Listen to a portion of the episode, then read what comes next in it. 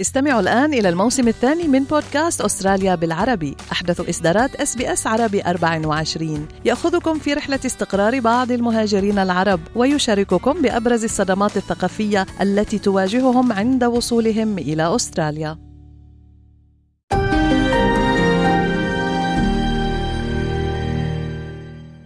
أنتم برفقة SBS عربي 24 قصة اليوم تتحدث عن نجاح المهاجر اللبناني حسام أفيوني الذي وصل إلى أستراليا في أواخر العام 1990 عندما كان يبلغ من العمر 15 عاما. استطاع السيد حسام أفيوني فتح مصلحته التجارية الخاصة بتقديم الحلويات والمعجنات اللبنانية التي قال عنها إنها رفيق أوقات الأفراح والأحزان. تتميز حلويات أفيوني sweets and pastries إنها تجلب للمهاجر العربي الطعم الأصلي للحلويات والمعجنات اللبنانية. ويضيف السيد حسام إنه على الرغم من التعب والإرهاق في العمل ليلا ونهارا مع عائلته في مصلحتهم التجارية إلا أن حبه لعمله ينسيه المتاعب والصعوبات التي تواجهه وتواجه عائلته يوميا.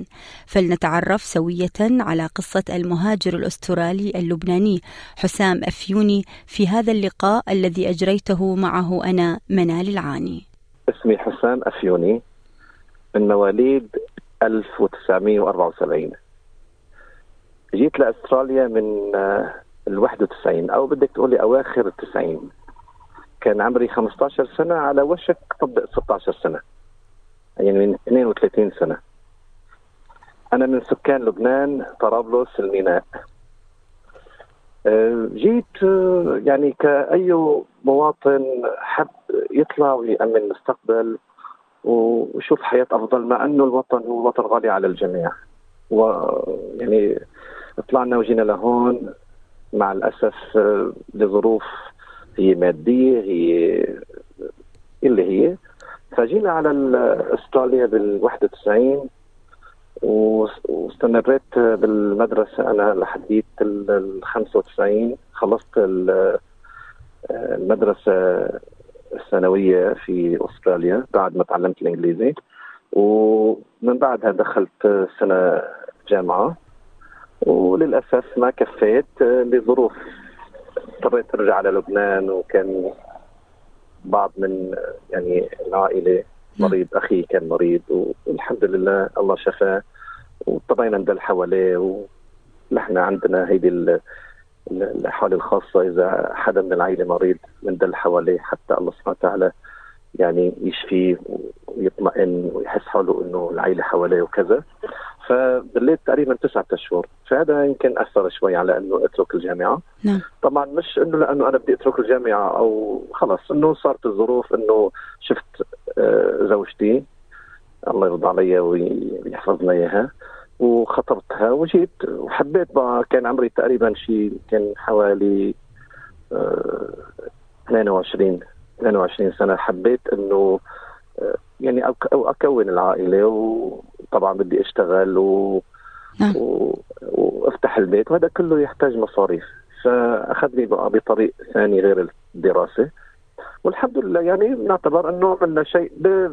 نعرف نقرأ ونكتب ونتعامل مع العالم نمضي ونعبي نعبي آه، آه، أوراق والحمد لله هذا يعني كان كان بكفيني يعني. حضرتك أستاذ حسام صاحب مصلحة حلويات ومعجنات بمدينة ملبون فاحكي لنا من أين جاءت فكرة فتح المصلحة التوسع بهذه المصلحة وأيضا حبك لهذا العمل. والله هيدي المصلحة ما كانت بالبال ولا على الخاطر. اللي صار إنه أخي كان عمره 12 سنة و... وابتدأ بهذه المصلحة في لبنان. ولما اجى بال 88 كون شوية آه، فلوس وتعرفي آه، واحد صار له 10 سنين بالمصلحة فلازم يستمر فيها. فكان أخي من المعلمين المميزين في لبنان. ففتح مصلحته بعد ما كان كان سنة هون. والله سبحانه وتعالى أعانه. و... وبلش المحل شوي شوي ينطلق ويطلع ويطلع. هلا لما هلا كمان بدي أقول لك نبذة صغيرة عن أخي، أخي كان من الناس اللي هو صغير قبل ما يبتدأ بالحلويات كان يحط هيك آه، راسه على اللزاز اللي فيه محل الحلويات ويفتح لي الحلو. هو كان خبرنا اياها هيدي الشغلة. فسبحان الله طلع من بعدها نعم. من أفضل المعلمين في لبنان وأستراليا. شوي شوي دخلت معه في هذا المجال بلشت من قدام على السيرفيس شوي شوي رجعت معه لورا على المصنع. شوي شوي صرت أشتغل معه بهي الخلطة بهيديك الخلطة بهالطبخة وبهالنوع من الحلويات. وصرت أبدع فيها وأخي كثير انبسط. صرت أنا أستلم آه، شغلات وأقول له الاخي ارتاح أنت. وشوي شوي المصلحة انطلقت أكثر وجانا معلمين كمان من لبنان أكثر نعم. صرنا نوسع الأنواع أكثر آه، فدخلت المصلحة في في مزاجي ودلتني مستمر فيها. شو اللي يميز مصلحتكم؟ مصلحة الحلويات والمعجنات وخاصة محلك أيضا بملبون وهنالك تنافس كبير على محلات الحلويات والمعجنات من كل دول الشرق الأوسط. فشو اللي يميز مصلحتك؟ آه، أختي منال هلا آه، يعني كمان خليها الشغلة البسيطة. أنا بالنسبة لي ما في شغلة بحب أشتغل فيها بداية إلا بحب أعطيها حقها يعني.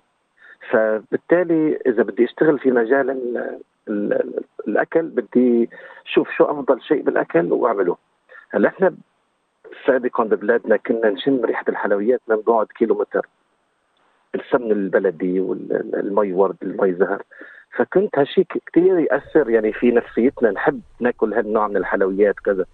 فلما جينا على أستراليا وفتنا بهالمصلحة هيدي صرنا نتذكر والله هيدي الشغلة الفلانية كنا نحبها وكانت ريحتها كذا.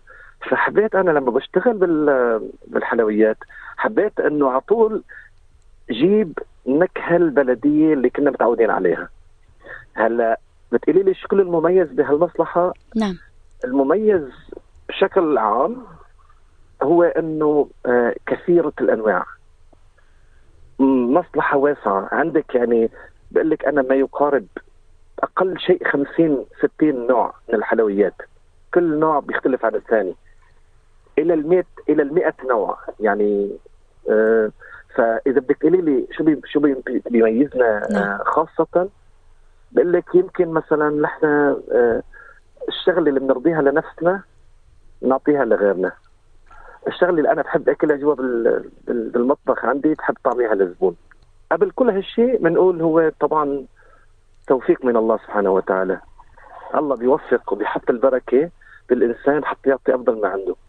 شو بتقدمون أستاذ حسام؟ هيك اعطينا فد كم نوع من الحلويات؟ ولو شهيتنا طبعا قبل لا تذكر لنا الأنواع بس نحب نعرف شو بتقدمون هيك أشياء آه، منفردة خاصة بالحلويات اللبنانية.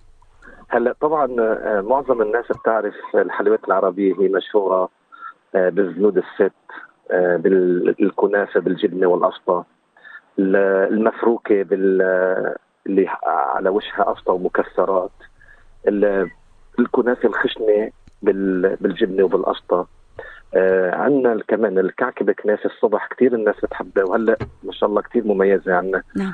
آه عندك بقى أنواع البقلاوة اللي بيميزوا كمان السمن الأصلي البلدي اللي بنحاول قد ما فينا إذا واحد عم يعطي آه رأيه بالحلو لنا wow يعني.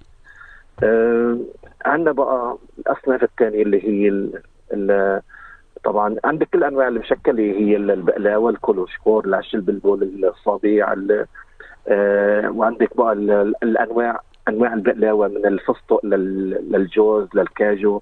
لأنواع الشعيرية اللي هي بالفستق والكاجو الشعيرية البيضاء بالفستق البسمة بالفستق البسمة بالكاجو. عندك بقى المعمول مد آه، بالجوز اللي هو ضارب صيت عنا وكثير الناس مبسوطة فيه. آه، عندك النمورة عندك المعمول مد التمر نعم. عندك اللحمة بعجين اللي اللي إحنا بنعملها يوميا هيدي آه، بالصباح. الناس كثير مبسوطة فيها ومميزة بالنسبة للعجينة تاعتها وبالنسبة لنكهة اللحمة ونظافتها. آه عندك الشعيبيات بالصلاة اللي كثير مميز عنا بالدبس رمان وال وال وال والصدماء الطازة المقطوف من الشجر البلدي عندنا ببلادنا. نعم. عندك بقى أنواع بقى ثانية اسمها يعني عندنا البرازق اللي هو مميز عندنا السنيورة التمارة عندنا المعمول الصغير بالجوز والفستق والتمر. آه عندنا الجزرية اللي هي مخلوطة بالمكسرات آه، الناشفة اللي هي مش مطبوخة ولكن مميزة. نعم. وهسه عندنا أنواع كثير ما ما عم نقدر نذكرها بهالوقت هذا الضيق هلأ. ولكن بنقول نحن عندنا حلوة الجبن. هذه كثير عندنا مميزة وأنا بحب أعملها والناس تقول عن جد إنه حسن بتعمل أنت كثير طيبة. عندي حلاوة الرز اللي هي مشبكة بال بالجبنة وفيها نكهة المسكه والورد. القشطة اللي معمولة على الإيد يوميا عندنا بالمصنع. ومين ما بيجي على المحل أهلا وسهلا يشوف كيف نصنع القشطة الطازجة يوميا.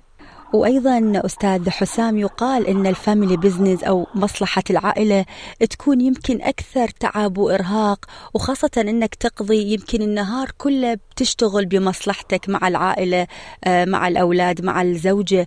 آه، مختلف عن لما بتكون مثلا موظف أو بتعمل بمكان وبترجع للبيت بوقت محدد.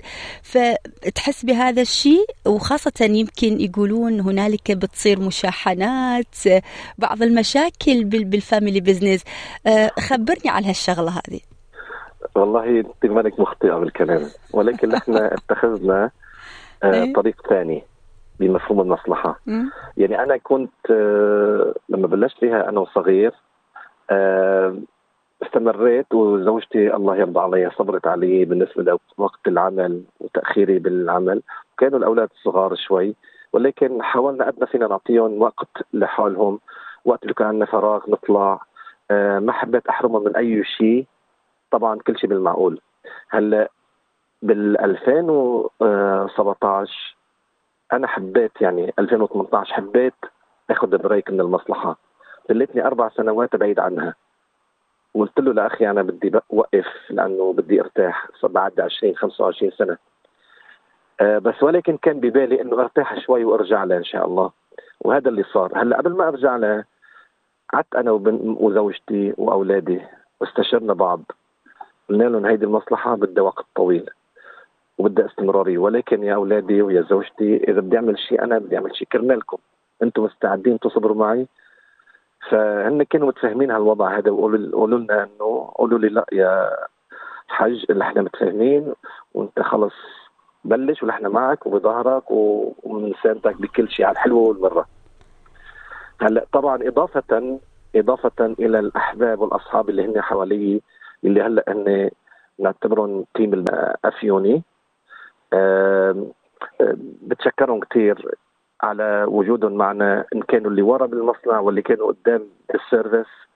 آه، عم يعطوا كل الطاقة اللي الله مقدرهم عليها ويحاولوا قد ما فيهم آه، يعني آه، يعتبروا المحل مثل بيتهم. وهالشيء أنا كثير بقدر لهم إياه لأنه ما وين ما بتروحي بتلاقي ناس تشتغل بإخلاص. ومع بعض بنكبر. وطبعا أنا لحالي ما بقدر أعمل شيء لما يكون معي تيم بقدر أعتمد عليه وطبعا بدل راسي مرفوع فيه.